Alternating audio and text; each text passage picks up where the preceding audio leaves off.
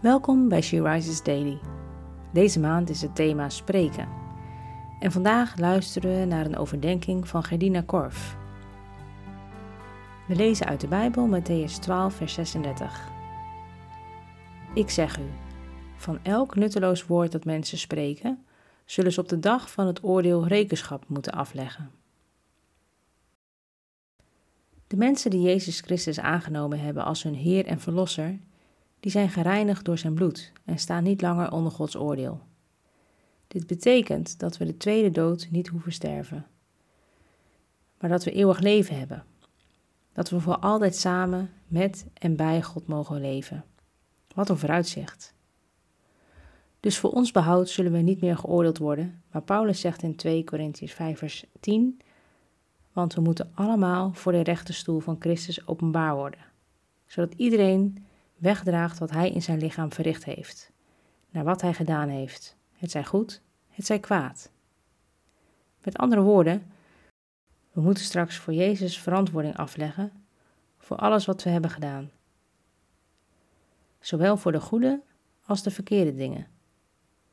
Zo moeten we dus ook verantwoording afleggen voor de woorden die we uitgesproken hebben. Sta je daar wel eens bij stil? Ik vond dit vers best wel confronterend toen ik het las. Want hoe makkelijk ga ik niet mee in gesprekken die niet tot opbouw van anderen zijn? Die niet doordrongen zijn van Gods liefde, vrede en wijsheid. Jacobus schrijft dat onze tong heel moeilijk te beheersen is. Maar de Heilige Geest wil ons hierbij te hulp schieten. Laten we samen bidden. Geweldige Vader in de hemel. Ik wil u eren en dienen, ook met de woorden die ik spreek. Wilt u mij door uw Heilige Geest de kracht geven om mijn tong in bedwang te houden? Mij eerst over mijn woorden te laten nadenken voordat ik ze uitspreek.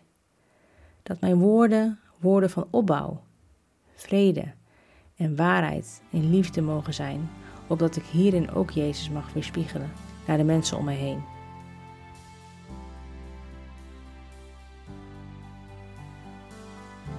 Je luisterde naar een podcast van She Rises.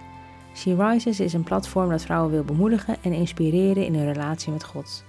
We zijn ervan overtuigd dat het Gods verlangen is dat alle vrouwen over de hele wereld Hem leren kennen. Kijk op www.she-rises.nl voor meer informatie.